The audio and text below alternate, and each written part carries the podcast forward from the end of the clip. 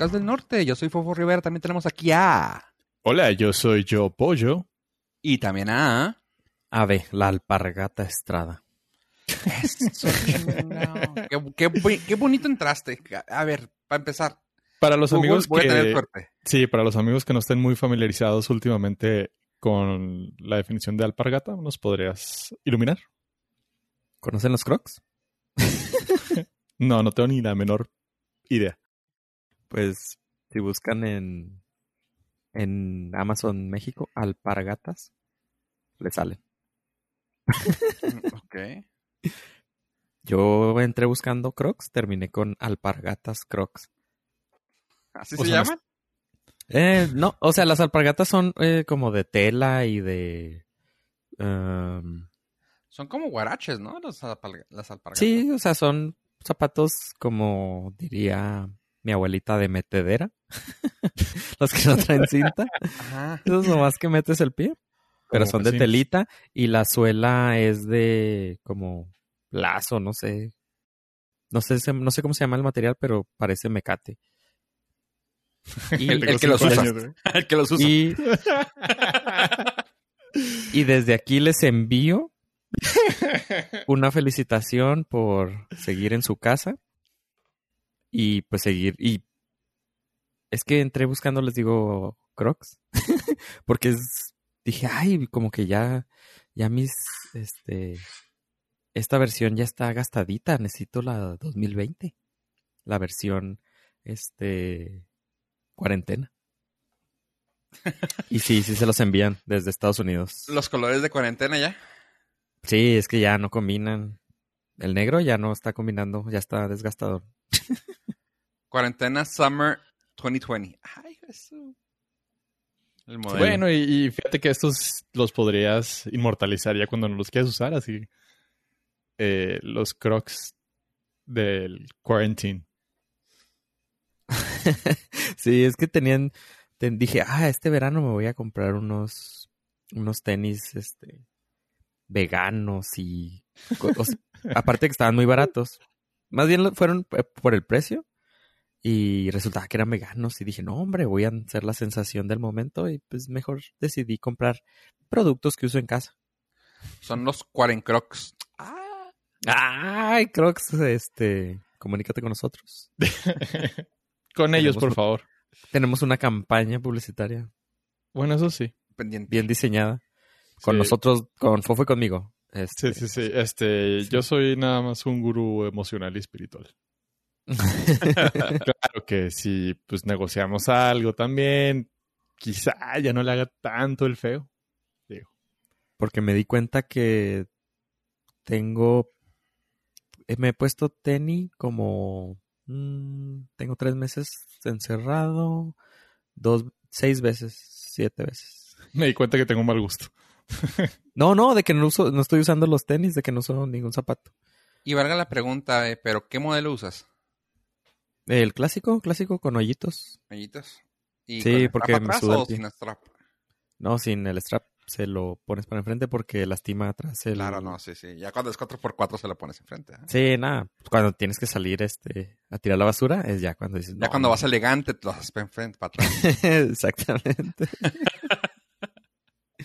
no, siempre he usado, he procurado nunca usar este guarache de tela. Yo obviamente los llegué a usar, pero me suda, suda el pie y pues luego existe ahí la humedad almacenada, entonces siempre tienen que ser de plástico, hule lo, y lo más ventilado posible. Eh, yo, lo, yo el modelo que uso y que me ha gustado un chorro y que creo que son los que me volvería a comprar son los Bistro. Ah, ese no te lo ando manejando. Está un poco más cerrado por, por el frente, pero son Ah, sí. totalmente antiderrapantes. Sí, el que tiene la- el frente totalmente cerrado. Ajá. Es Uh. antiderrapante y por eso sí se me hace mejor.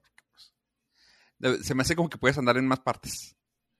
Sí, sí, pues es que nunca sabes cuándo tienes que salir corriendo con ellos. Con Crocs, así es. Puedes, puedes estar temblando y te agarra encuerado y pues ahí sales, pero pues sales con Crocs.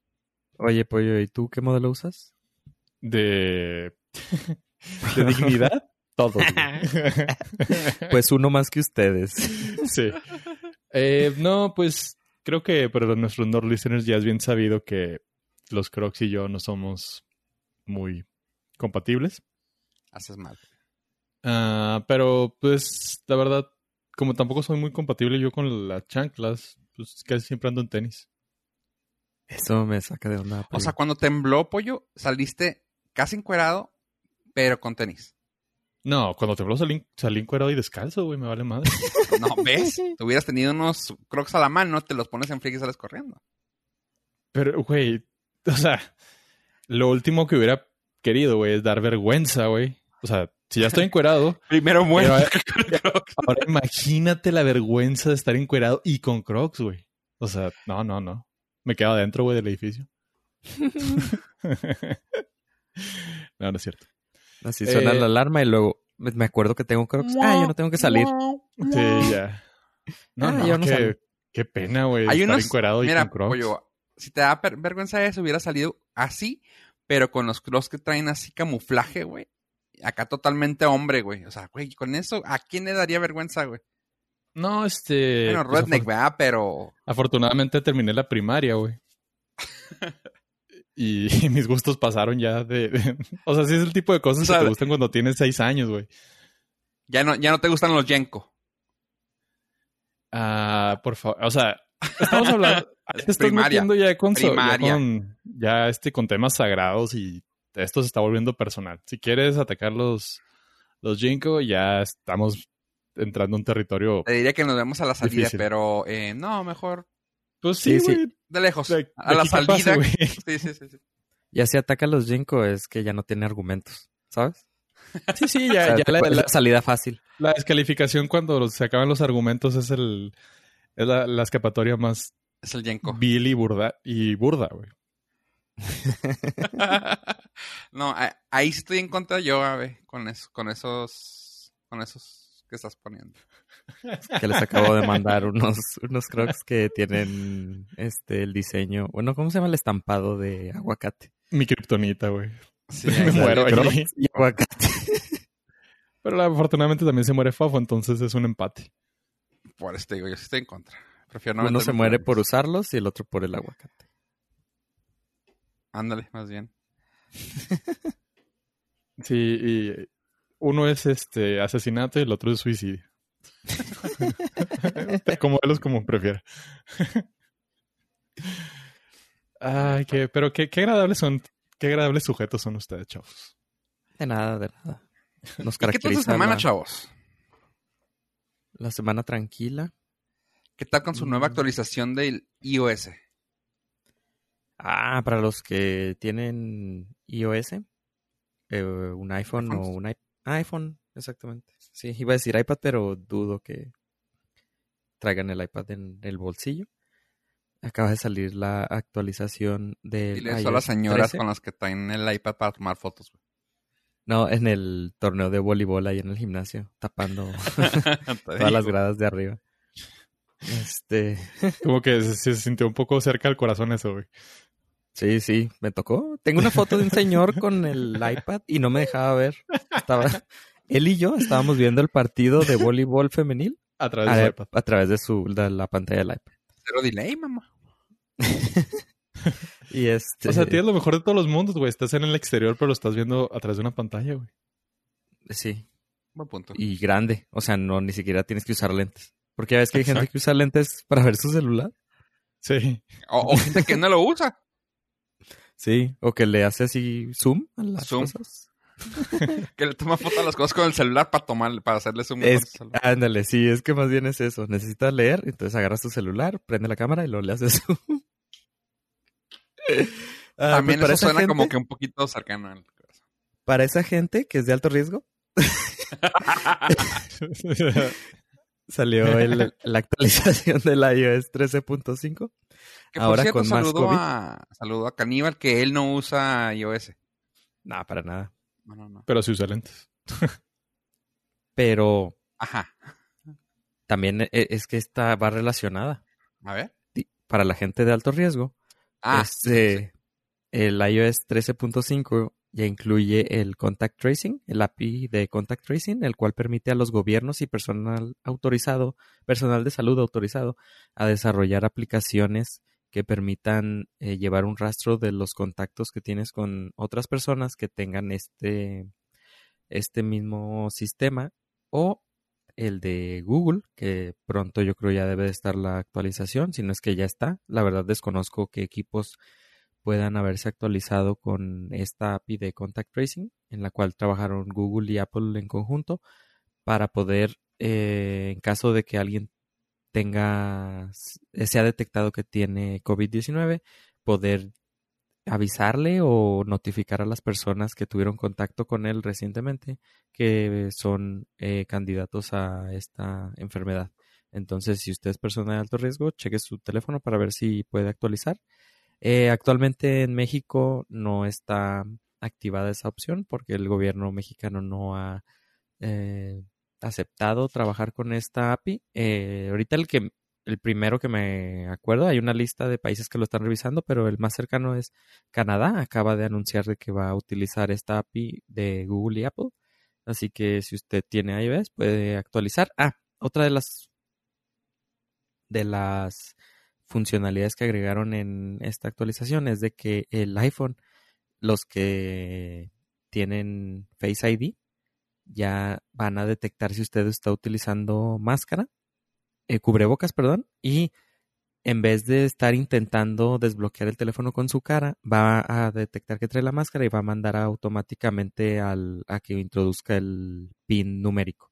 Entonces, pues es un, son dos o tres segundos para poder ah, desbloquear el teléfono más rápido y pues el iPhone ya lo hace. Estoy muy, muy ahí, pero no porque vivo en México. Se me hace chido. Yo no tengo en, yo no tengo para el Face ID, pero sí se me hace algo súper súper fácil, ¿no? O sea, de que es que así como luego uno piensa, ay, son eh, son medio segundo, güey. Pero ese medio segundo ya te desespera, pero ya si te pedía te lo pones y si ves que te sale de volar le pones eso. Sí, también para este para las personas que pues necesitan en verdad trabajar con él es, les va a ahorrar dos, tres segundos cada cierto tiempo, entonces, pues sí, para ellos a lo mejor puede ser más importante. A mí se me hizo súper, ¿cómo te diré?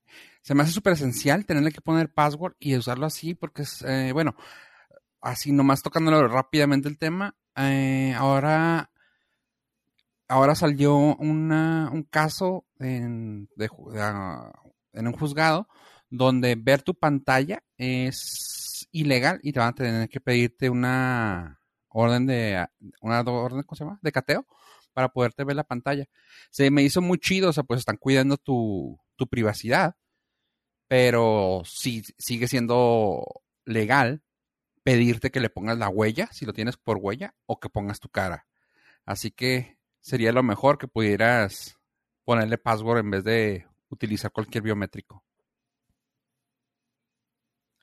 y también otra actualización que hubo en esta semana es de Twitter, que va a permitir bloquear los, las contestaciones o respuestas o replies.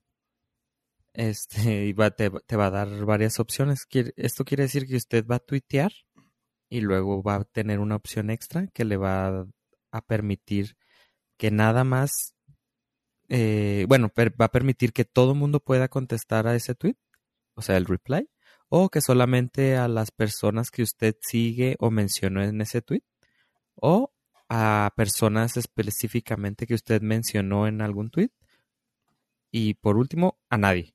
Entonces tú puedes poner un tweet y no quieres que nadie te conteste, te arrobe. Bueno, que te conteste ese tweet, que no se haga un, y que no sea troll, ¿no? O sea, que no te esté fregando con algo. Que nadie te conteste. O sea, este es mi, mi, mensaje que quiero dar y no me importa lo que ustedes opinen. Esta es opción.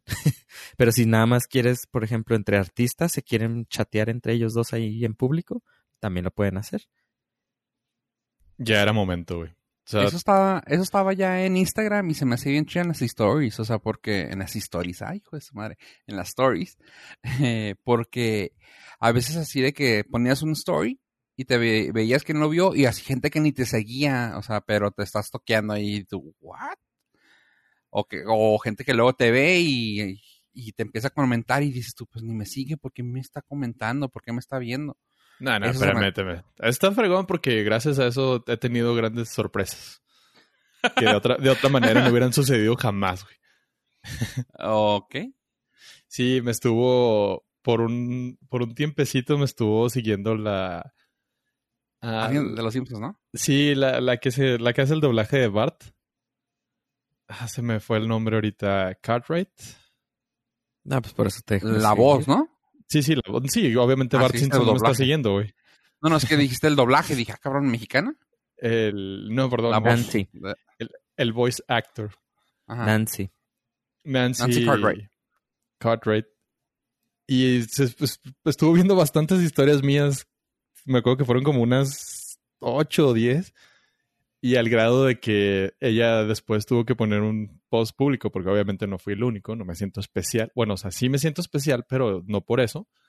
Donde dijo que los colaboradores de ella le mandaban perfiles de gente que le gustaban los Simpson y que se le hacían interesantes por si los quería ver. Y pues me siento especial por eso. Pero tú habías special, mencionado, habías mencionado que te gustaban los Simpson en algo. Eh, seguramente el señor algoritmo lo sabe. Ah, ok. O escuchan Norcas. O escuchan el Norcas y saben que los he defendido a capa y espada y que estoy esperando ansiosamente Disney Plus para poder ver las 31 Ay, pensé que, estaba, pensé que ibas a decir el check. El cheque. No, el cheque es, o sea, es, es por pasión esto, no es. No, no estoy tan vendido ahí. El sucio, el sucio cheque de dinero. Este, pero claro que sí. Pues quiere apoyar a un emprendedor joven, talentoso. No me quejo. no, no, pues quién soy yo para decir no, pero pues. Este. ¿De qué estamos hablando? Pues yo creo por eso te dejó de, Me de dejó de seguir, seguir, porque güey. querían precisamente apoyar a emprendedores jóvenes talentosos. sí. y, y está estorbando. Exactamente. Lo que viene siendo la paja está buscando el, la aguja. Oye, ¿y qué más noticias subieron en Twitter esta, esta semanita, pollo? Eh, pocas, pero muy efectivas. Ok. ¿Se acuerda de nuestro compa homeboy amigo del Norcas, Memo del Bull? Memo Bull. Eh, me suena, me no suena. lo ubico. Eh, chavos, o sea, antes tenían respeto y decían, oh, ah, también, o sea, por favor, consistencia. O sea, no podemos estar haciendo esto cada 157 episodios. Tenemos que No, mantener no, pero- línea. No, no, pero pues, o sea, no ha sacado nada nuevo, no nos ha mandado el cheque, güey, o sea. Eh, sí, no llegó. Ah, Pero es que nos llegaba al headquarter, güey. sí. ah, Bill. Billy Bull, como le conocemos los compas. los compas.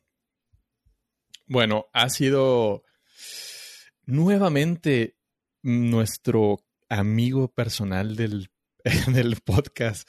Ha sido el salvador que no merecemos, ha sido la luz en la oscuridad, el amanecer dentro de, después de la tormenta. Y simple y sencillamente, gracias a su pasión, a su elocuencia y a sus tweets, ha salvado el Fidecine. Él solo, o sea, neta, hay que pagarle la cita con el quiropráctico para revisarle la espalda de estar cargando todo el peso del cine nacional, el cual ha salvado gracias a que en una iniciativa por, Ni que fuera eh, Derbez, güey. ¿Por qué? Ni que fuera Derbez, güey, para cargar el cine solo él. No, eh, ¿Por qué? Problemas, problemas técnicos.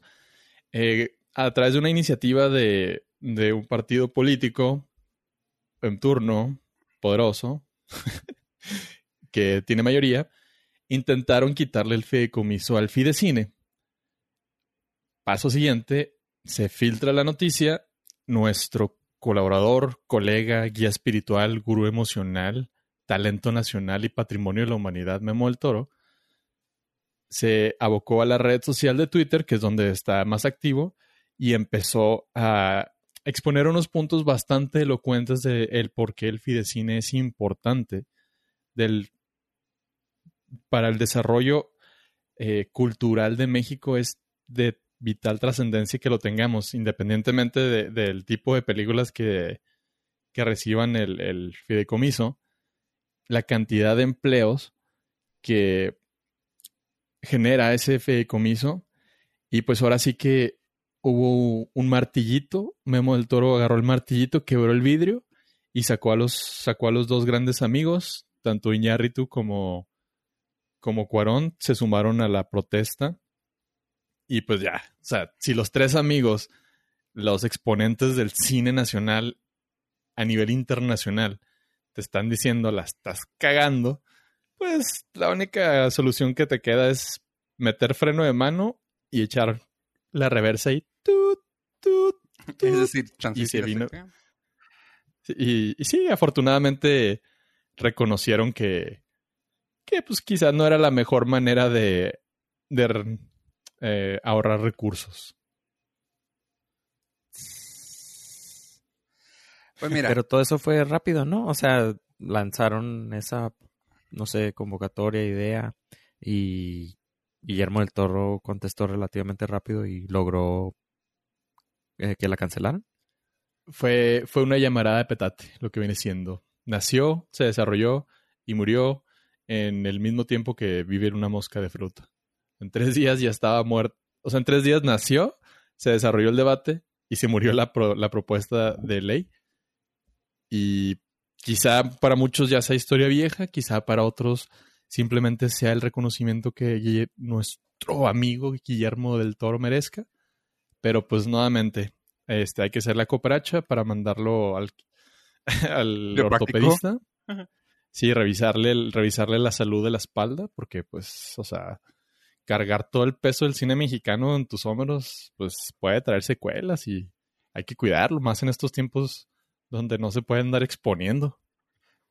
Pero eso es eh, el decir que el cine mexicano, o sea, sí está defendiendo el cine mexicano, puesto que el Fidecine es para el cine mexicano. Pero ya no, no sé cómo, cómo no sé cómo decirlo sin que suene uh, inflammatory, sin que suene como para hacer ruido. Pero pues Memo no está haciendo cine de México. Está, está haciendo cine uh, de Estados Unidos o internacional, pero pues el vato es mexicano. Sí, y aparte no es como que él necesite una ayudita del Fideicine para que le produzcan o para poder producir una sí, Está chido que le, que le que pelee por las cosas del cine mexicano y súper bien. Pero luego te pones a ver a, lo, a donde se va el Fidecine, de hacer eh, puros remakes, que, los de No Manches Frida, los de Adam Sandler, del remake, ¿cómo se llamó, Pollo? Que a ti te gusta, pero que no te gusta la mexicana. ¿O sí la viste o no? La verdad le puse durante primeras citas. Sí, pero no, me acuerdo cómo se llama en español. Aguanté tres, casi, casi aguanté los primeros seis minutos. o sea, para que sea eso el dinero donde se va y luego que digas tú, oye, pero pues son películas que, entre comillas, se pueden valer solas porque aparte traen dinero de Televisa, traen dinero de whatever. Y aparte le piden dinero a México, dices tú, no manches, o sea, ¿por qué, por qué ese dinero se va a gente que sí tiene billete para hacer una película. Cuando hay otros que quieren hacer películas y no se les da nada, ningún apoyo. Debatible porque pues han salido, o sea, han salido cosas buenas independientemente de que el argumento podría ser da mucho trabajo y le da mucha oportunidad a ciertos directores nuevos, por ejemplo, Isa López salió de ahí Isa López hizo su primera película gracias al, Fidecine. Eh, podría, podría, o sea, podríamos estar de acuerdo en que la calidad del cine mexicano quizá no está del todo donde debería, pero también hay que tomar en cuenta que esas películas tan chafas que podríamos interpretarlas de esa manera son las que la gente va a ir a ver al cine y ese es el propósito del Fidecine también. O sea, que sea un negocio rentable. No, no, bueno, o sea, y si ya, y si ya nos ponemos así romanticones, pues gracias a eso, pues existe un Memo del Toro y todos los demás eh, cineastas mexicanos. O sea, sí, sí, sí entiendo el por qué, pero sí se me hace así como que, ay, ay. Y lo que, me tiene, más ¿eh? tiene más valor que, que Memo que no depende del Fidecine sea el que más lo defiende. Sí, está, está, defendiendo el legado del cine mexicano para las futuras generaciones. Sí, también aparte el, la generación de empleos es, importante. Sí, claro. Mucho. Sobre todo para futuros inmediatos. Sí. Like pues now. O sea, pues, sí, sí, sí, tienes razón. Oye, bueno. Y hablando del cine, ¿o que traes algo más sobre esa nota, Pollo? Eh, no, nomás un agradecimiento público a Memo del Toro. Creo que no hemos terminado de. Déjame, para mí estoy cromando aquí un, un vasito de, plata. Ya terminé de cromarlo. Este, no, ya terminé. Gracias. Ok, qué bueno por tu croma. no, eh, y hablando de, de cosas del entretenimiento, pues en el mero estilo característico de Hollywood, la industria del entretenimiento de aquellos rumbos estará combatiendo el COVID-19 con robots. Hay una compañía en la que está, la que, cual está rentando robots de limpieza a hospitales. Eh, eh, cada robot tiene un precio aproximado de 125 mil dólares. O también rentando. Y parece ser que así es como van a empezar a grabar la película de Batman. Creo que va a ser una de las primeras con las que van a abrir. Y es un robot que básicamente anda paseando por todas partes. Haz de cuenta que es como un ah, rumba, pero anda eh, tirando pulsos de luz ultravioleta, que ha, ha sido estudiado, que no mata, pero desactiva. El 99.99% de las de la, del coronavirus, según esto. Así que vamos a tener robots defendiéndonos. Sí, ya, ya, ya, se están usando en varios eh, hospitales, a través del mundo para sanitizar, sobre todo zonas de ICUs, donde están los pacientes más críticos de, de esta enfermedad. Así es, y la empresa que los está fabricando se llama Cyberdyne y la red que están utilizando se llama Skynet. Extrañamente, ¿ah? eh, eh, sí, es para que se conecten entre ellos y poder generar una inteligencia que les permita identificar qué lugares tienen del mal, del peligro que, que ataca. Sí. Ahora, seamos sinceros, o sea, ya. Le damos la bienvenida a Skynet si nos libera de todos los bichos. Yo, por mi parte, este, le doy mi, mi fiel, ¿cómo se llama? Como decía, mi lealtad al, y amor a las máquinas. Siempre han tenido en mí un seguidor. Siempre lo has dicho. Este, nada más hay que prestar atención ahí en la parte de eliminar bichos. ¿Qué es un bicho para ellos? este, lo podemos poner por, lo podemos poner por dimensiones. hay, que ver qué dimensiones. Sí, hay que ver qué dimensiones tiene el virus más grande y la bacteria más grande. Y a partir de ahí podríamos empezar a hacer un, un, protocolo. Luego eso suena como que algo muy de distópico que luego siempre terminan diciendo, ¿no? Es que la máquina se le dijo que tenía que acabar con todo el mal del mundo y el mal son ustedes, los humanos. I for once accept our Lord And Xavier Skynet. Skynet. Entonces. este... UAA. sí, sí, claro. Sí, pues ya, ya son las primeras, eh, los primeros indicios de que el futuro de las distópico de las películas no está tan alejado. Entonces. No, sí estaba alejado. Porque siempre los. Estaba. estaba alejado. No, un poquito. Es que siempre eran. Van a ser zombies y vamos a tener que salir a la calle a matarlos. Y ahora es todo lo contrario. Es un bicho microscópico y tenemos que estar en casa para cuidarnos. ¿Qué vale? O sea, prefiero este, obviamente. Eh, eh, es less fun. No, es tan divertido. no sé qué tan divertido sea ir a cazar zombies, entonces necesitaría probarlo. Es que depende qué tipo de zombies son, los rápidos, los inteligentes, los... Si fueran los sea- tontos y lentos, no hay bronca, va. Los de plantas contra zombies, pues les Sí. estaría aventando comida. Simón, no, sin, Pero- sin bronca. Si hay pero si los macetas de- enfrente, no hay bronca. Pero si son los de I'm a Legend, esos sí están. Ajá, o sea, que corren, abren Son como puertas. vampiros, ¿no? Eh, no, ¿Son sí zombies? Zombies. Están muertos, ¿no? Sí. No, pues es que son, no, bueno, pues que sí. Sí, son Esos eran, esos vampiros, en realidad. Pero- Ah, es que era mezclado, zombie vampiro. Ah, ok. Eso es, pues sí, aquí nada más es un virus que puede estar en tu mano. En tu. Oye, que, puede, que puede estar en la cosa más estúpida, como una cerveza.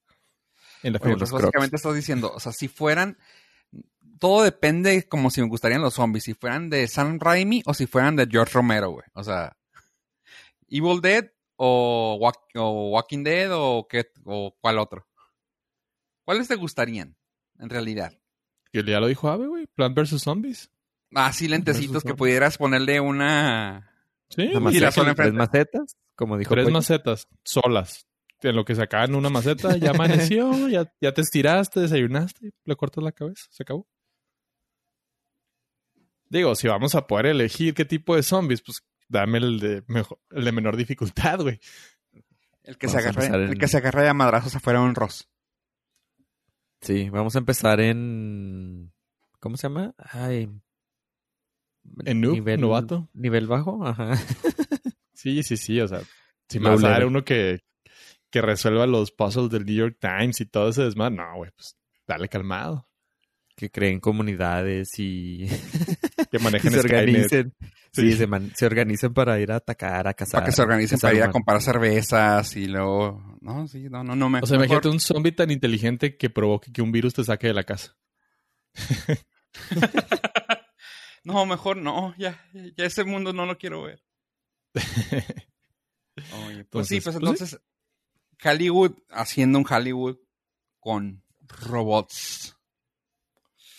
Pues qué bueno, porque la verdad, o sea, estamos preocupados porque hay poco contenido nuevo ahorita y en realidad tenemos mucho contenido nuevo ahorita.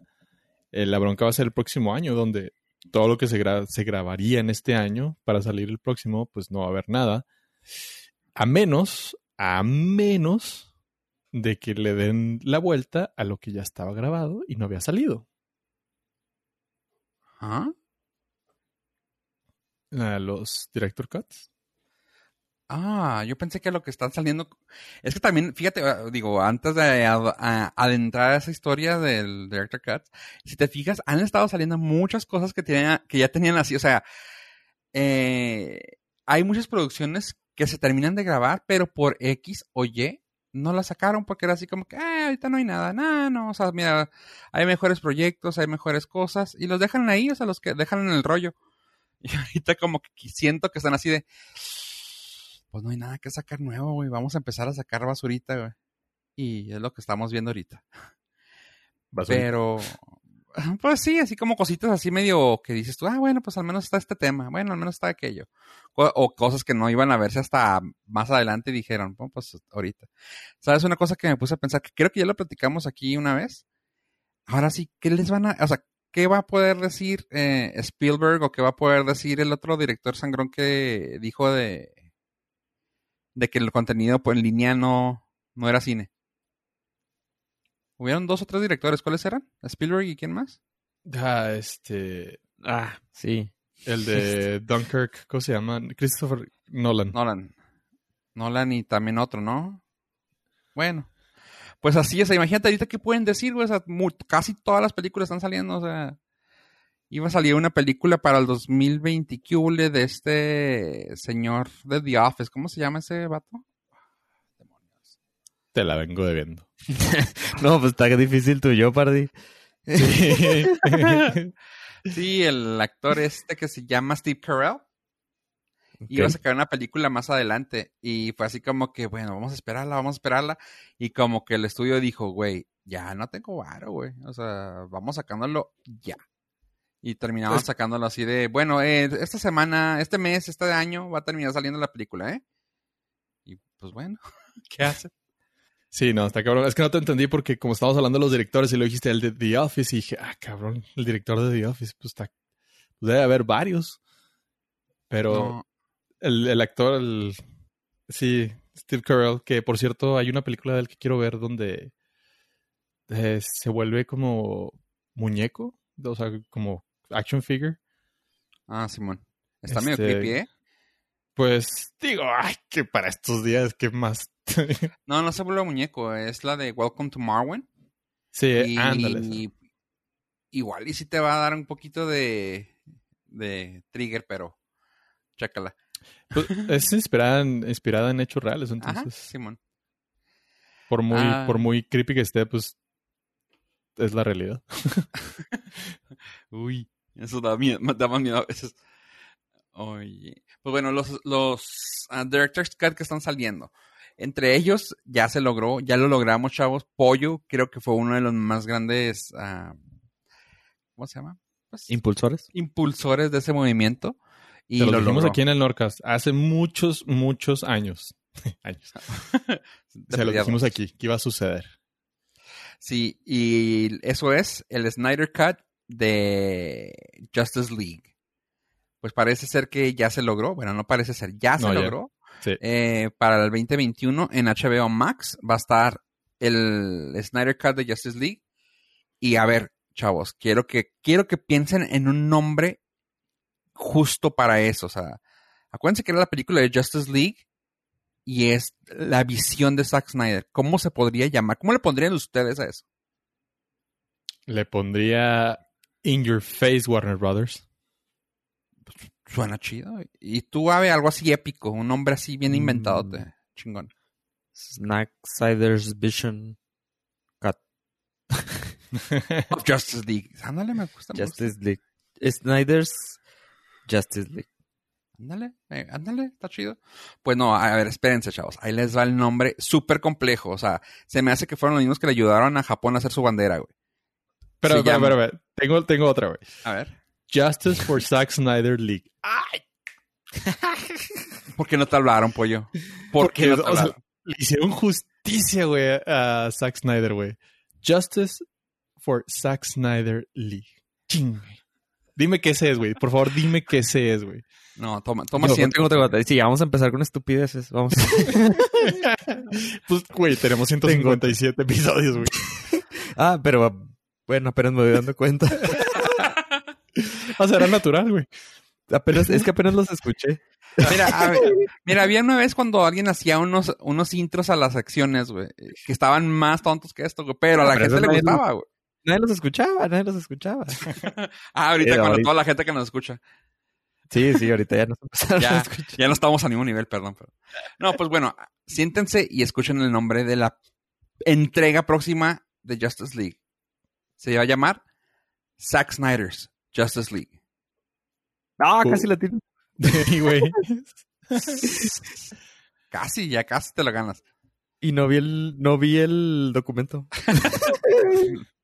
You never No lo leo. Sí, pues resulta que van a sacar eso y estuvo chido, eh, chido-ish. Eh, la noticia se dio hace como el jueves de la semana pasada, cuando salió este episodio. Eh, y estuvo suave, pues también el que, el que habló con Kevin Smith acerca de esto fue más que, más, ah, fue, perdón, fue el señor Batman, o sea, hace, bueno, el Batman de esa película. O sea, el bueno, güey, el chingón. No, ¿cuál? El- no, no, no, el- Christian el de Bale. Ben Fue Ben Affleck, Affleck. güey. Fue Ben El de Affleck, Ben Affleck, güey. Por favor, güey. Es el único Batman de verdad, güey. El único Sí. que está robusto, como debe ser. Madreado. Este, golpeado por la vida, güey. Con experiencias de la de... cabeza. Sí, con experiencias reales, güey. Sí, ya después de Jennifer López no quedas igual, güey. Oye, ¿tiene papás? ¿De qué? Sí, sí tiene, güey. que hubiera estado bien creepy que no, que hubieran, ojalá no, ¿verdad? Pero si hubiera tenido papás fallecidos, así que, oh, la vida real. Qué gacho. Pero no, no. Sí, pues habló con Kevin Smith y estuvo diciendo así de que, pues, al fin lo lograron, chavos, va a salir esto. Y luego ya empezaban, ya la, la fanaticada empezó a decir, güey, ojalá este puesto para hacer algún tipo de, re, uh, de retake, pues tiene que haber otros sh shots que hayan faltado, que hayan quedado ahí pendientillos, ojalá y quiera entrarle. Pues se había muy emocionado de aplaudir esta, esta noción y lo platicó ahí con Kevin Smith en una, pues, una entrevista, en una capsulita que habló él como un, dos minutillos, todo emocionadillo. Yo, ah, qué chido está eso. Estoy bien ahí, güey. O sea, sí, tengo, tengo mucha curiosidad de, de ver cuál era la, la idea del, del verdadero creador de la Liga de la Justicia. Y bueno, pues no, no, te vas a agüitar cuando también sepas que aparte del Snyder Cut, cuando salga esa película también va a venir el Ayers Cut, ¿verdad? ¿Para el Escuadrón Suicida? No, no, no. Va a venir eh, para, para esta película también va a venir el otro director. ¿Cuál otro? ¿Josh Whedon? Ah, ajá. También va a, venir, va a venir una parte así como que completamente como le hubiera querido hacerlo. Eh, ya no me interesa, güey. O sea, el güey ya tuvo su oportunidad y, y, la cagó, güey. Sí, pues está. Ah, no, y, y también va a venir la de Ayers Cut, que también de. De este. ¿Cómo se llama? Que ahorita dijiste. Escuadrón el Escuadrón Suicida, Suicida va, va, sí. también la van a estrenar. ¿Qué onda, oye? ¿Cuántas más van a hacer, pollo? Que tú que sepas. Mira, confirmadas el, el, el, del director de ayer con el Escuadrón Suicida, Ajá. el director Zack Snyder con la Liga de la Justicia, y todo parece indicar, como nos atreveremos aquí siempre a ser futurólogos, parece que le van a dar luz verde para sacar el Director's Cut de Ghostbusters, la que a muy poca gente le gustó. La de las chavas, ¿ah? ¿eh? sí. Y okay. por ahí dice eh, que el Director's Cut de uh, Paul, ¿cómo se llama? Paul, Paul Fay, Paul, Paul ah, se me fue el apellido del director. Eh, es de cerca de tres horas y media, güey. ¿De cuál? De la de Ghostbusters. No manches, güey. Sí, o sea, no sé qué tanto más puedes contar de esa historia que, insisto, no listeners, ellas son lo mejor de la película. Lo peor es todo lo demás. La historia es muy mala. Eh, se rompieron conceptos básicos de los cazafantasmas como que no capturan fantasmas sino los destruyen. Este, no los, no, no, no hay todo, o sea, toda la filosofía de los Ghostbusters se perdió ahí. Y sigo insistiendo, si alguno de ustedes vio las películas live action de Scooby-Doo, parece una secuela. Así de rara y bizarra está esa película, todos luces bueno, de neón. No tan mal hecha, ¿eh? Porque Scooby-Doo también está chida. No, no, no, o sea, visualmente está perfecta para un niño de 6, 7 años, porque los colores son muy llamativos, los fantasmitas son graciosos. Pero pues no era el vibe de Ghostbusters. Ghostbusters era un humor muchísimo más ácido, más maduro. Muy maduro, entre comillas.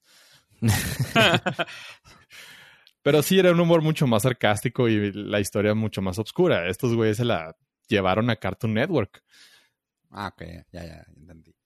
Y eso no se me hizo chido, pero pues claramente no soy el único. Oye, yo hablando de, de Ben Affleck, que estaba, iba a estar, que tal vez hubiera estado puesto para reshoot si lo si se lo piden. No sabes si alguien otro de los de los involucrados se preste, porque creo que se habían salido varios, ¿no? Eh, no se había quedado la Wonder Woman y. En realidad no. El único que se había bajado del barco había sido Ben Affleck, pero para hacer su película de Batman. Entonces, como este, pues no va a ser su película de Batman, simplemente va a ser un apoyo a un colega, su colega director. Okay. El que estaba entre que sí, que no, que se bajaba, que no, era el, el mismísimo Superman. Y ya confirmó desde que liberaron el Snyder Cut que todavía hay capa para volar un rato.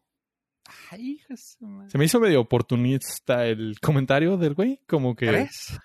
La, o sea, la gente necesita certidumbre antes del Snyder Cut, pero pues digamos que a lo mejor ya no tiene mucho que hacer en su casa.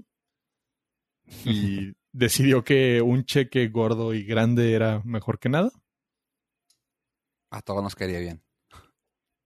Y sí, dice que él sigue dispuesto, que él es materia dispuesta para más películas y que en realidad le gustaría continuar con la historia. No dice cuál historia, pero supon, supongo que si le va muy bien al Snyder Cut, quizá meta en reversa a Warner Brothers y continúe la, la historia de la Liga de la Justicia por ahí. Suena chido, suena chido. Suena factible. Nice. Oye, y hablando de héroes con capa, sin capa, o bueno, no sé. ¿A ustedes qué se les no sé, Abraham, ¿tú viste la serie esa de del héroe del deporte, el titulado The Last Dance? No, y estoy preocupado porque ya tengo, mira, la primera película de la Liga de la Justicia para poder ver el Snyder Cut. y ahora tengo esa de ¿cómo se llamaba? Ya se me olvidó cómo se llama. Eh, La- Last Dance. The Last Last Dance, Dance. la serie de, de Netflix. La Sí, serie no, no la he visto. No, he estado viendo El Príncipe del Rap. ¿Cuenta? Casi. Sí, casi, Casi, al mismo por tiempo. la época. Sí, por la época sí.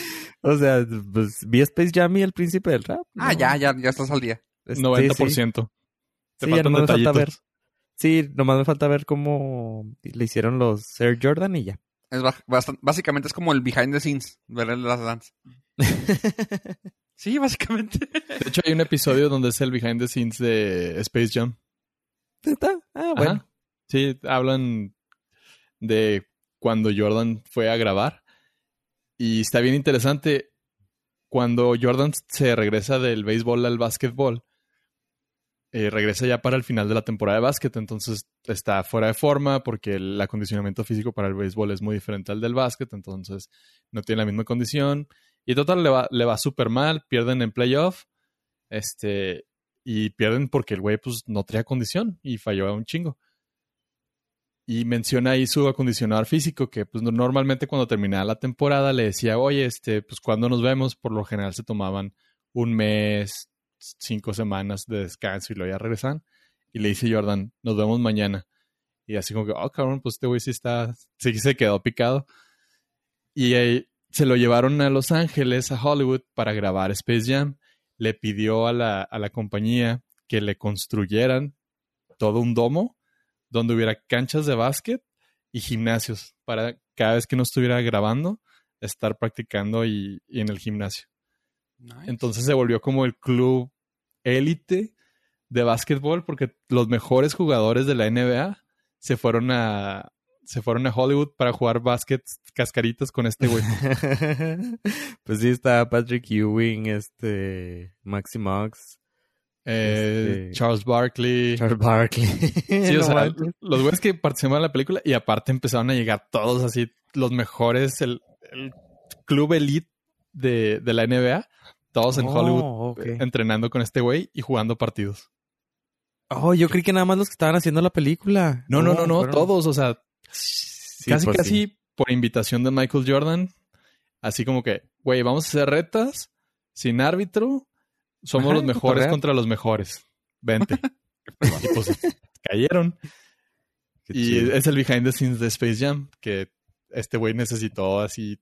O sea, era muy competitivo Jordan, demasiado competitivo. Al grado de que el güey era un pinche douche con sus compas y con los rivales y con todo el mundo con, en su afán de ganar. Ok. Eso Y- no es... Ya me... Tenías mi atención... No, ¿cómo era? Llamaste mi Ah, atención.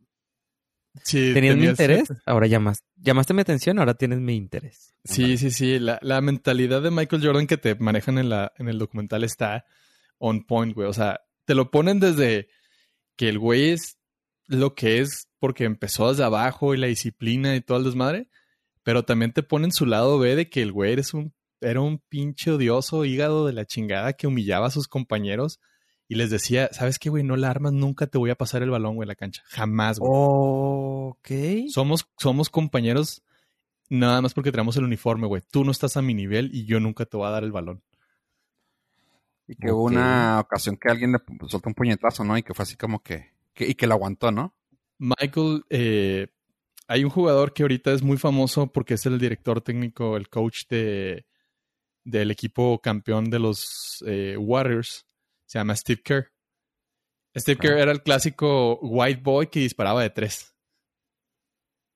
Siempre hay. Clásico. Siempre. Clásico. Siempre había. De hecho, antes que él estaba Paxton, que les hizo ganar también una final. Y pues era pues el underdog, el de perfil bajo, el jugador de equipo.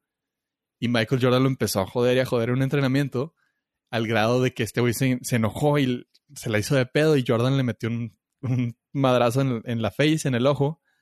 Y ya lo sacaron, sacaron a Jordan del entrenamiento y dijo, no, ¿sabes qué? Pues sorry, ve y perdón si la agregaste. Y Steve Kerr dijo, no, dije, pues me encabroné mucho, pero pues me pegó y ¿qué podía hacer? Dijo, pues nomás lo aguanté y, y ya. Me dice, pero gracias a eso Jordan vio que no, no me fui para atrás, ni que le di la espalda ni nada, y tampoco me enojé. Y dice, pues ya, a partir de ahí nos volvimos amigos. Y él es el, él es uno de los responsables de que hayan llegado a la final, porque metió un, un último triple. Pase de Jordan, así de Qué que, chido. güey, me la van a, me voy a agarrar el balón, me van a cubrir entre dos, desmárcate, te la voy a pasar, disparas. Dices, no, pues ya que Jordan te dé ese, esa responsabilidad en una semifinal, dice, pues está cabrón. Está chido. Pero bueno, el tema es que la serie terminó. Spoiler alert, Michael Jordan es campeón muchas veces. Multimillonario. Multimillonario. También te hablan de los de los Air Jordan, de cómo nació y to- to- todo el show. Y lo importante aquí es que lo habíamos mencionado hace creo que dos episodios, dos o tres. Estados Unidos lo pasó por ESPN, pero en el resto del mundo se vio a través de Netflix. Y ya dieron números que ah, me causan un poquito de incredulidad, pero se los voy a decir y ustedes me dicen qué opinan. Lo vieron 23.8 millones de cuentas. 23 y el número de Jordan es el 23. Mm, Suena medio inventado para que suene más se haga más publicidad de esto. Y sirvió porque aquí estamos hablando de esto. Pues lo que diga Netflix es lo que ellos quieren. Ajá, que sepas, así que. Exactamente, por eso se me hace así como que el jugador 23 más importante de la historia lo vieron 23 millones de cuentas. Tendríamos que tener así como pues, acceso a más información, no nada más a ese, ¿sabes? Sí, o sea, como sí. que nos dijeran de otros, de otros, este, Otros de números películas. de países. No, deja tú. O De sea, a mí me gustaría ver. ¿Sabes qué me gustaría que Netflix pudiera hacer? Claramente que su negocio ahora ya casi casi es el la, la data, ¿no? O sea, pero que pudiera sacar la información como lo hace el hub de el hub, vamos a ponerle el hub para que no nos desmoneticen. El hub que saca así datos de decir, ah, mira, las búsquedas que hubieron más en estos meses fueron de tal, tal, tal, tal. Y el pa- tal país fue el que más estuvo activo. Y tú, órale, qué O sea, me gustan mucho las cifras que llega a sacar el hub y que si lo pudiera sacar Netflix se me haría muy interesante. Así de que, ok, lo que más ha visto esta vez ha sido esto. O sea, más información que yo sé es bajarse los calzoncillos, pero pues estaría bien padre poder ver los, los números. Eh, yo digo. Para ti. Sí, para ellos no. Para ellos no. este, De eso vivimos, joven, ¿cómo le explico? Sí, ya se digo que su negocio es en la data ahora. Este, sí, pero cobramos. Y básicamente para el resto es, créanos, le decimos la meritita, ¿verdad? Mm, Créanos, no tiene de otra. Básicamente. Y pues eso es The Last Dance, que fue la última temporada. Así la bautizó el entrenador. Les dio un librito donde les dijo, en esta temporada nos despedimos, caballeros. Es el final de una era. Ay. Un placer haber tocado con ustedes. Sí, caray. Y lo peor es que cuando termina... Bueno, no, eso va- puede ser spoiler para alguien que quiera ver la serie. Así lo voy a dejar. Ok. Ouch. Sí, sí la vamos a ver. Cliffhanger. Oye. Y bueno, pues nomás hablando rápidamente de Netflix. ¿Ya vieron la nueva acción Good Guy que se va a aventar Netflix? De que va a cancelar Mm. las cuentas inactivas por más de 12 meses. Ah, yo vi que iba a dar cifras de qué países vieron más películas. que- Ay, Simón. Este, ¿no? ¿Cómo está eso? Sí, está, está suave la idea. O sea, muchos dirían, ay, son, son gachos porque luego están, siguen cobrando. Pero algo que llamó la atención es de que sacaron una nota a ellos de, diciendo de que toda cuenta que tenga más de 12 meses sin ser, haber sido usada, se les va a mandar un, una notificación, un correo y notificación a la, a la misma aplicación, diciéndole así de que tu cuenta no ha sido usada por más de 12 meses. ¿Quieres continuar con ella? Si no, para cancelar. y van a, no me acuerdo si eran tres semanas o tres meses más y ya te lo van a cancelar. Van a durar con tu cuenta. Ah, no, creo que es, a esa vas a contestarle si sí o si no. Si no contestas, te la van a cancelar. Tu perfil sigue vigente por 10 meses y ya si no, si no te metes, si no le sigues, uh, si no sigues activo, ya te borran todo y ya, adiós, bye. O sea, más que nada que los 10 meses, los 10 meses va a ser así como para conservar tus gustos, tu, lo que has visto, tu historial y todo. Si no, te borran tu perfil completamente y next. Eh, pues no es Good Guy, seguro debe estar en la GDPR, no me acuerdo. Este... Igual y sí. Pero pues Sí, es la, es primera que que, eso- sale. Es la primera que sale con esa noticia. Pues igual y otros lo hacen, pero también me han llegado co- correos de otros lados que lo hacen, pero a lo mejor ese- ellos se quisieron así fanfarronear de que no, nosotros estamos pensando siempre en el usuario. Y pues No, no. no, no. No, no, por eso puse. Pero está chido. Por eso digo good guy entre comillas, disculpa, pero lo dije. Pero así. mira, checa, eh, es un año de inactividad más un año de tu perfil. Para ese tiempo, pues, ya se te venció la tarjeta de crédito, entonces pues, en Casi realidad ya no, ya no quieres, o sea, no te van a poder cobrar y ya no quieres estar en el servicio. Ay. Sí.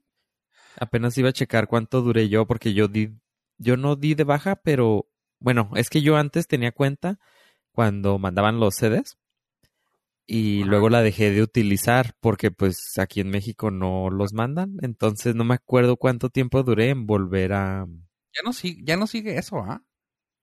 creo que no, no, sí, No. hay un lugar en No. los, hay lugares, creo que rurales en Estados Unidos donde todavía les mandan. Como el servicio postal estadounidense tiene acceso a casi el por- 100% de, de las localidades. Eh, entonces, ellos llegan casi al 100% de las casas. Entonces, por ahí te los pueden mandar, creo. Todavía debe haber uno, dos, tres personas que sigan pidiendo. Qué cura. Sí, yo me acuerdo que yo también lo tenía. Estaba chido. 2000, no, sí, 2005, 6 por ahí. Oye, eh, y bueno, algo que les iba a decir, chavos. Ya están listos, chavos. Ya ven, ya, ya ven que lo que necesitamos así de, de cosas que vuelven a producción, o sea, películas importantes, películas que ya sabemos que ya requerimos. ¿Saben cuál va a volver a producción? Mm. De la, nue- la nueva Cantinflas. Avatar. Avatar. Esa película que tanto hemos esperado, que nunca va a salir. Híjole, ¿la hemos esperado realmente? Avatar es como es como el padrino, güey, de la de los New Mutants, güey. Si, si la estamos esperando, pero no le hemos dicho a nadie, ¿en verdad la estamos esperando? Ya sé, que o sea, güey, vuelve a producción y pues así como que, ah, órale. que, ah, qué chido. O sea, güey, ¿por qué, por qué siguen con esa película que no vamos a ver en el 2025? O sea, no sabemos Ni- si va a llegar. No, no, no. A ver, aguántame tantito porque vamos a ver la 2, 3, 4 y 5 seguidas, güey. Pe- Pero, Puede año por año. Ese era el plan. Y aparte, yo creo que sí va porque Disney ya le invirtió en sus parques, güey. Ya tiene los simuladores del- de Avatar, güey. Chinita. Y si lo ves de esa manera, eh, ya Disney tiene las de- dentro de su repertoire las películas más taquilleras de la historia. Entonces, ¿por qué no pensar que lo podían hacer de nuevo con Avatar número 2? Eso sí. Qué, qué bueno que eres positivo, pues, sobre todo si es de Disney, paganos. Sí, claro, güey. Y más porque el tío Bob está otra vez al frente, güey. Pero lo más rescatable de ahí es sería el- ver qué tecnología nueva le aplicó este... ¿Cómo se llama? James El- Cameron. Cameron. James Cameron, ¿no? Eso sería lo mejor lo chido. Que es por lo que más se distingue a este cabrón. Pues sí, porque por peliculón, así que, ay, qué buen guion, qué buena historia, pues no. Bueno, la Titanic tiene buenas escenas. Cuando se Sí, sí, sí, Eh. sí, sí, sí. Sí cabía, sí cabía. Sí, cabía, mamón. Sí cabía en la, en la, en la puerta. No quiso, o sea, se, se- manchada, güey. Sí, Estaban hablando sí. Ay, cochinotes. No, no, sí cabía y los Mythbusters lo hicieron, güey, sí cupieron. güey. Dijo, no, es para que se viera más bonito. Tú, ok.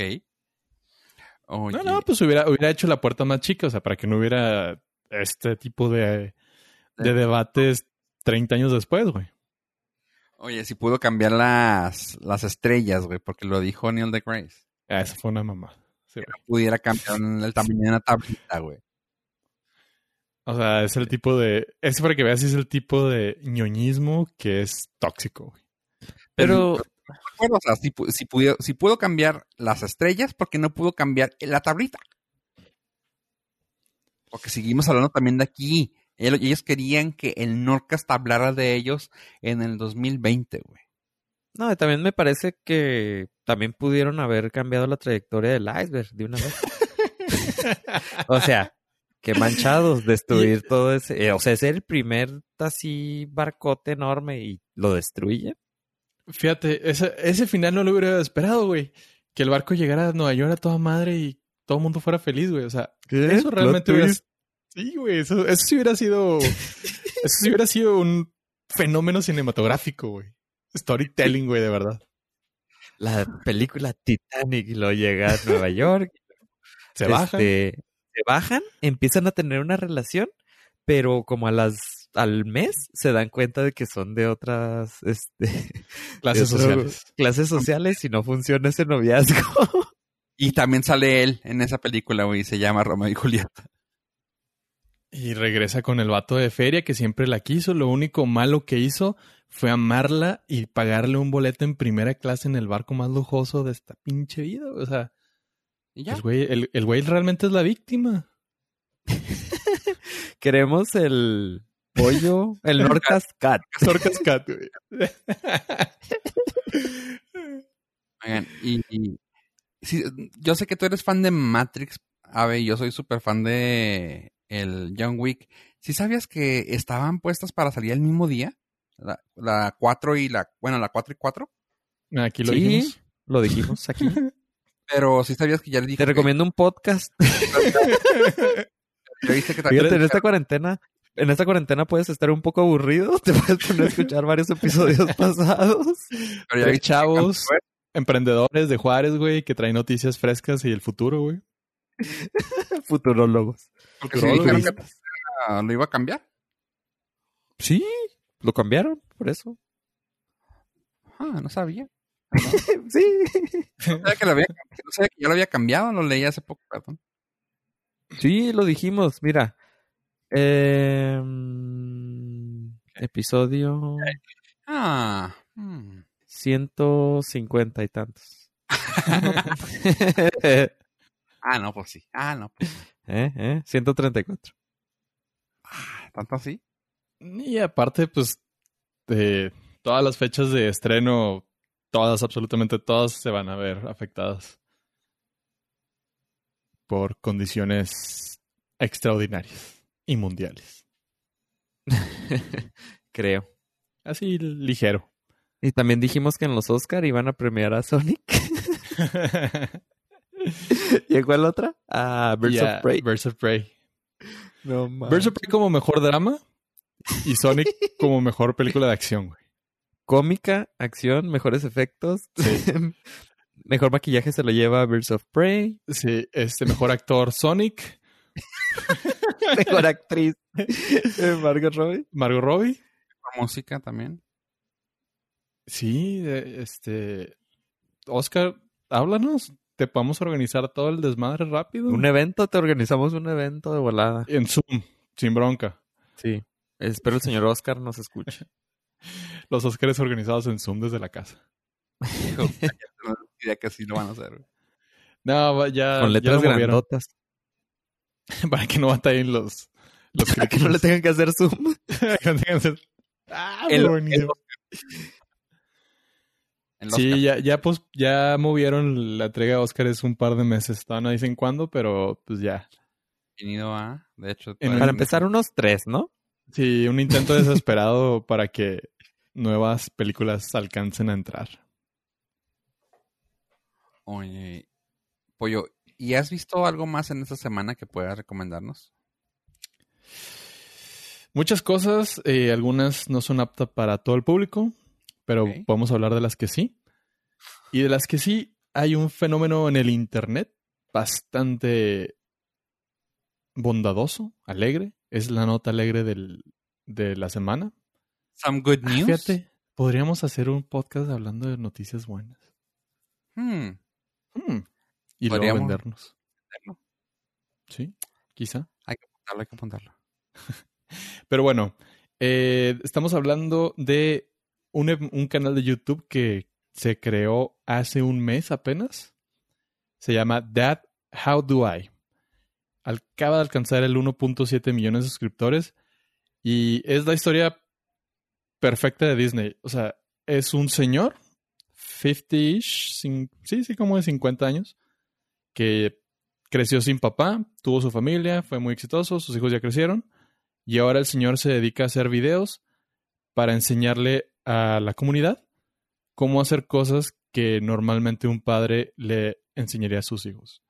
Desde cómo hacerse el nudo de la corbata, cómo afeitarse, cómo checarle la presión de, del aire a las llantas, cambiar el aceite, este, colgar una repisa, cosas muy prácticas que pues realmente si nadie te las enseña es muy difícil que veas la manera correcta de hacerlas. O sea, muchas son de sentido común, pero pues la técnica se perfecciona con los años.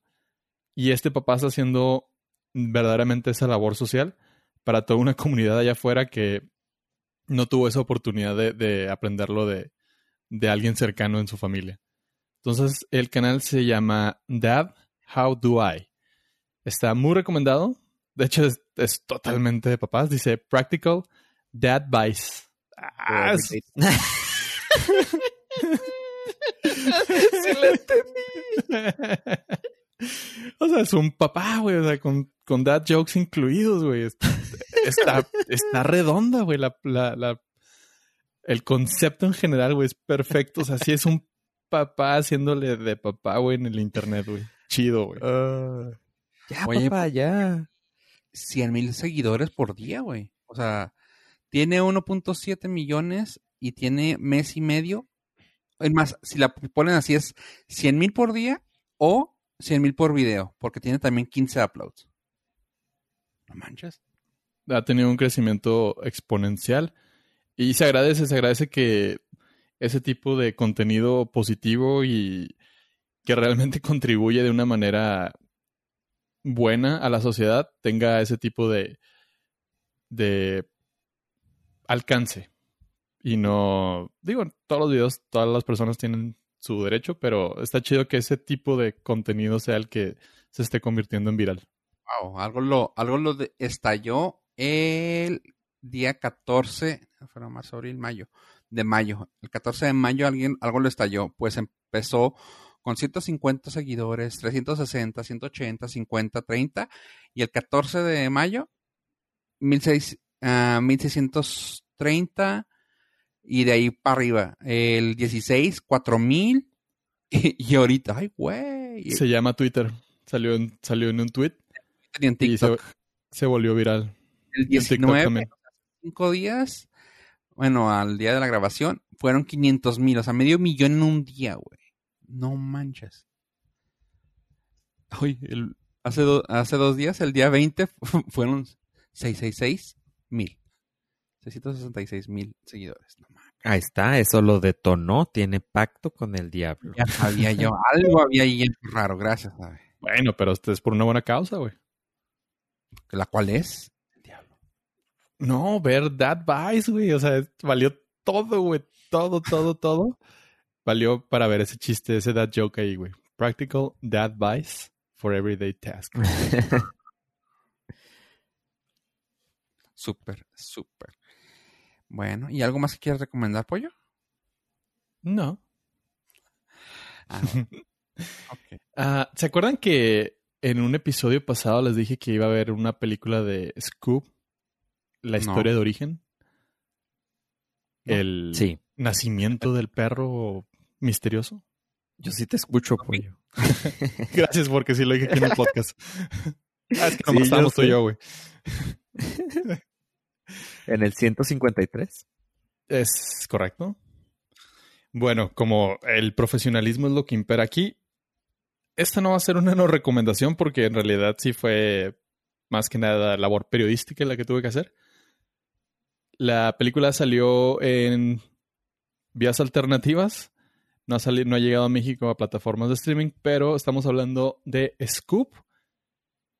Ya, así, Scoop. que es eh, el origen de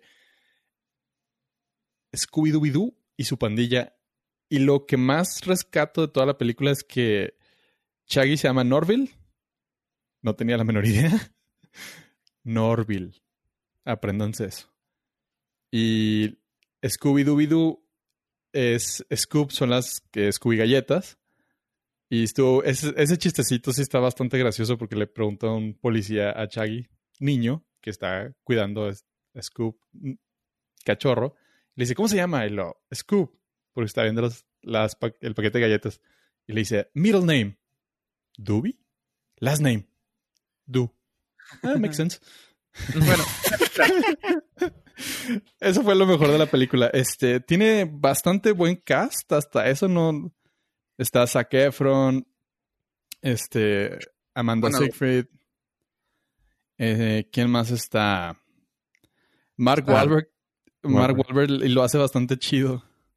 Mira, Will Forte es Shaggy, lo cual es, pues, es un buen comediante. El, también sale la voz de Mark Wahlberg. Cuando lo escuché dije, me suena ese acento medio mamoncillo. Y pues sí, era el Mark. De hecho, yo pensé eh, que era Ryan Reynolds por un momentos. Ah, se, tal, se le también. parece. Gina Rodríguez, la Betty la Fea americana. Zac Efron, Amanda Seyfried, el Ken Jong, que se me hizo bien cura que saliera. Y no sé si, si agarrase a todos los personajes que salieron, que se me hizo bien chido, pues eso quiere decir que están abriendo el mundo a Ana Barbera Universe, Ana Barbera Universe. No sé si se puede escuchar chido, pero. El Hanna Barbera Cosmos. Verso. verso. Hanna Barbera Verso. Sí, y se me hizo bien chido todo eso, o sea, el simple hecho de que salieran los personajes, no voy a decir los, los únicos que pueden ver en, la, en las portadas o en todo, digo, no es así como que, uff, gran spoiler y gran película, pero uno de los que sale es Blue Falcon, el cual tuvo una serie animada muy corta, pero pues lo tuvo. Y también pues sale... Estás viendo los, eh, el Cat, ahí viene Blue Falcon y Captain Kevman. Ajá. Exacto. ¿Salen? En el póster. El, el Captain Kevman no, no lo vi pues sale Blue Falcon. Digo, tampoco es como que la gente vaya a estar con el corazón roto porque le digamos que, que sale Capitán Cavernícola. Que se me hizo una verdadera joya. Es más, ¿Y sale Simon, podría... ¿Dónde? Simon Cowell como himself. Ajá, sale Simon Cowell como himself. Y, y tiene un chiste buenísimo. O sea, la película no es mala. En términos generales, es malísimo. Es malita. Es regular, es regular. La animación se ve bien bonita. No, no, está bonita. Visualmente está bonita. O sea, sí, es lo que digo. Tiene chistecitos buenos para los adultos. Tiene buenas referencias, tiene buenos, este, inclusive hasta dad jokes tiene ahí chidos. Claramente el target son niños, es para introducirlo a una nueva generación. Y está bien hecho. Por lo menos respetan lo, con lo que nosotros crecimos y te, te lo trasladan bien fregón. O sea, hacen. Hay varias de, diapositivas donde inclusive son tomas exactas de dos, tres caricaturas de Scooby-Doo. Ese me hizo chido. El, el, intro, güey, es totalmente copiado del intro original de Scooby-Doo. Sí, sí, por eso. O sea, hay cosas muy buenas de retros que es, es una manera bastante agradable para presentárselos a nuevas generaciones. Sí, la verdad, mira, ya, la verdad, sí se me hizo una película, me, o sea, fue así de que, órale, qué chido, ¿sí me entiendes? O sea, no fue nada fuera, nada que fue, fue, vayas a decir tú, wow, qué peliculota, ¿no? Estuvo chida. Pero lo que a mí me gustó mucho es todo eso que te, que te comento. O sea, el simple hecho de que te introdujeran al mundo completamente de Ana Barbera fue así de que dices güey, si de aquí parte, va a estar chida porque pues en el simple hecho de ver a, a no me acuerdo cómo se llamaba en español, pero Dick Dastardly está chido. Ver a Muttley, güey, ese me estuvo así de que wow, o sea, Muttley, para los que no recuerdan, creo que se llama Pulgoso o Piojoso, algo así. Pulgoso. El, el que es el perro que se ría de eso está fregón. Y cuando vi que sale eh, también este Capitán Cavernícola fue de que, güey, sí, super, super in. O sea, hay muchas cosas que dices tú, qué fregón, que están abriendo ese nuevo mundo y que te lo presentan de una forma mm, orgánica-ish. Pues algunas se sienten forzadas. Pero dices tú, qué chido, o sea, está, está padre. Lo que sí no sé si tú, Pollo, lo hayas extrañado, fueron voces originales. No, para nada. De hecho, me dio gusto que mm, sí le dieran el cambicillo. El que yo Para que, no, para que no fuera simplemente un Blast from the Past. O Otra sea, caricatura más. ajá, o sea, mi, mi, mi approach fue, esta película no va dirigida a mí, güey. Para nada. La veo porque, pues, el, mi compromiso con el Orcas. Pero me- me, gusta, me gusta que, que le hayan puesto voces que los jóvenes se puedan identificar y que digan, ah, qué suave, es Zac, Zac Efron, uh, cosas así. el, te digo que a mí Scooby-Doo, por ejemplo, no me gustó la voz de, de él. Pues se me hace como que ya estaba muy... ah, ya no se le entendía la voz, o sea, no se le entiende lo que dice. Y fue así de que, güey, neta, o sea... Scooby nunca se le ha entendido. No, pero como que al mismo, es un perro. al mismo- es el mismo actor de, de siempre. Es el mismo actor que siempre ha hecho la voz, pero supongo y quiero pensar y no estoy siendo gacho, pero creo que la edad ya hace que también eh, la voz yo no. O sea, ya es demasiado el, el que ya no abre la boca, que ya no se le entiende. O sea, cuando dice, o sea, dices tú, ah, cabrón. Antes, antes le entendías que decía Chaggy y ahora es, ah, canijo. De hecho, mi, mi mayor queja es que Scooby habla demasiado. Güey, ¿tú ¿nunca viste ningún Scooby? No, sí, claramente, pero creo que habla, habla de más en, en esta película y, o sea, ya tiene diálogos, güey. Como que, güey, o sea, pero bueno, está chido, o sea, tenía eso, o sea, siempre ha sido un personaje que habla y le dan mucha línea, porque casi siempre son la película de Shaggy y Scooby. Pero en sí, tú, a ver, ¿cuántos Nordcast le das de, de- en cinco?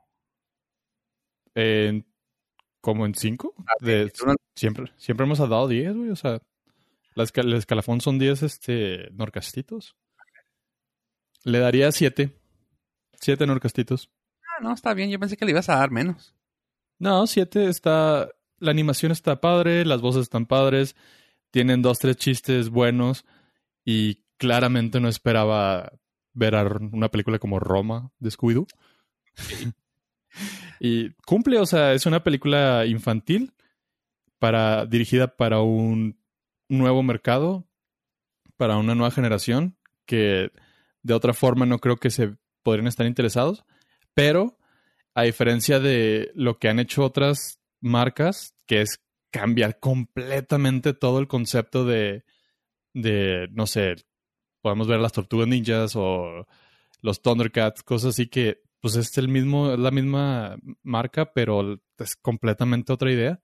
Y esta se me hizo chido, o sea, respetaron todo, todos se siguen viendo como se deben de ver, sigue siendo el mismo humor, parecido, actualizado.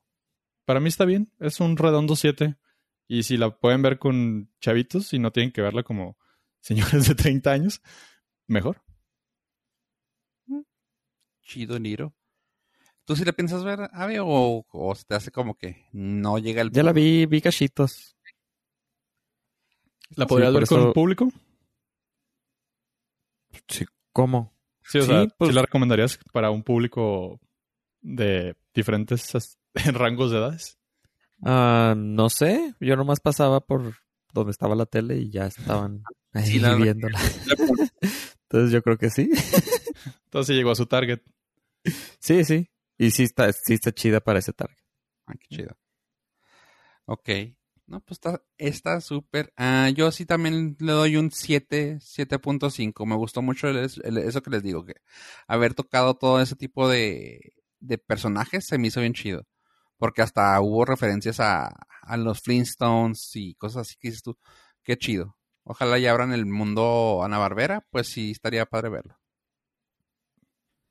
Yes, Ah. sir. ¿Y algo más que quieran decir, chavos? No, con eso terminamos. Muchas gracias. Ave. Scooby-Doo. Gracias por escucharnos, gente. No se enfermen. Adiós, adiós.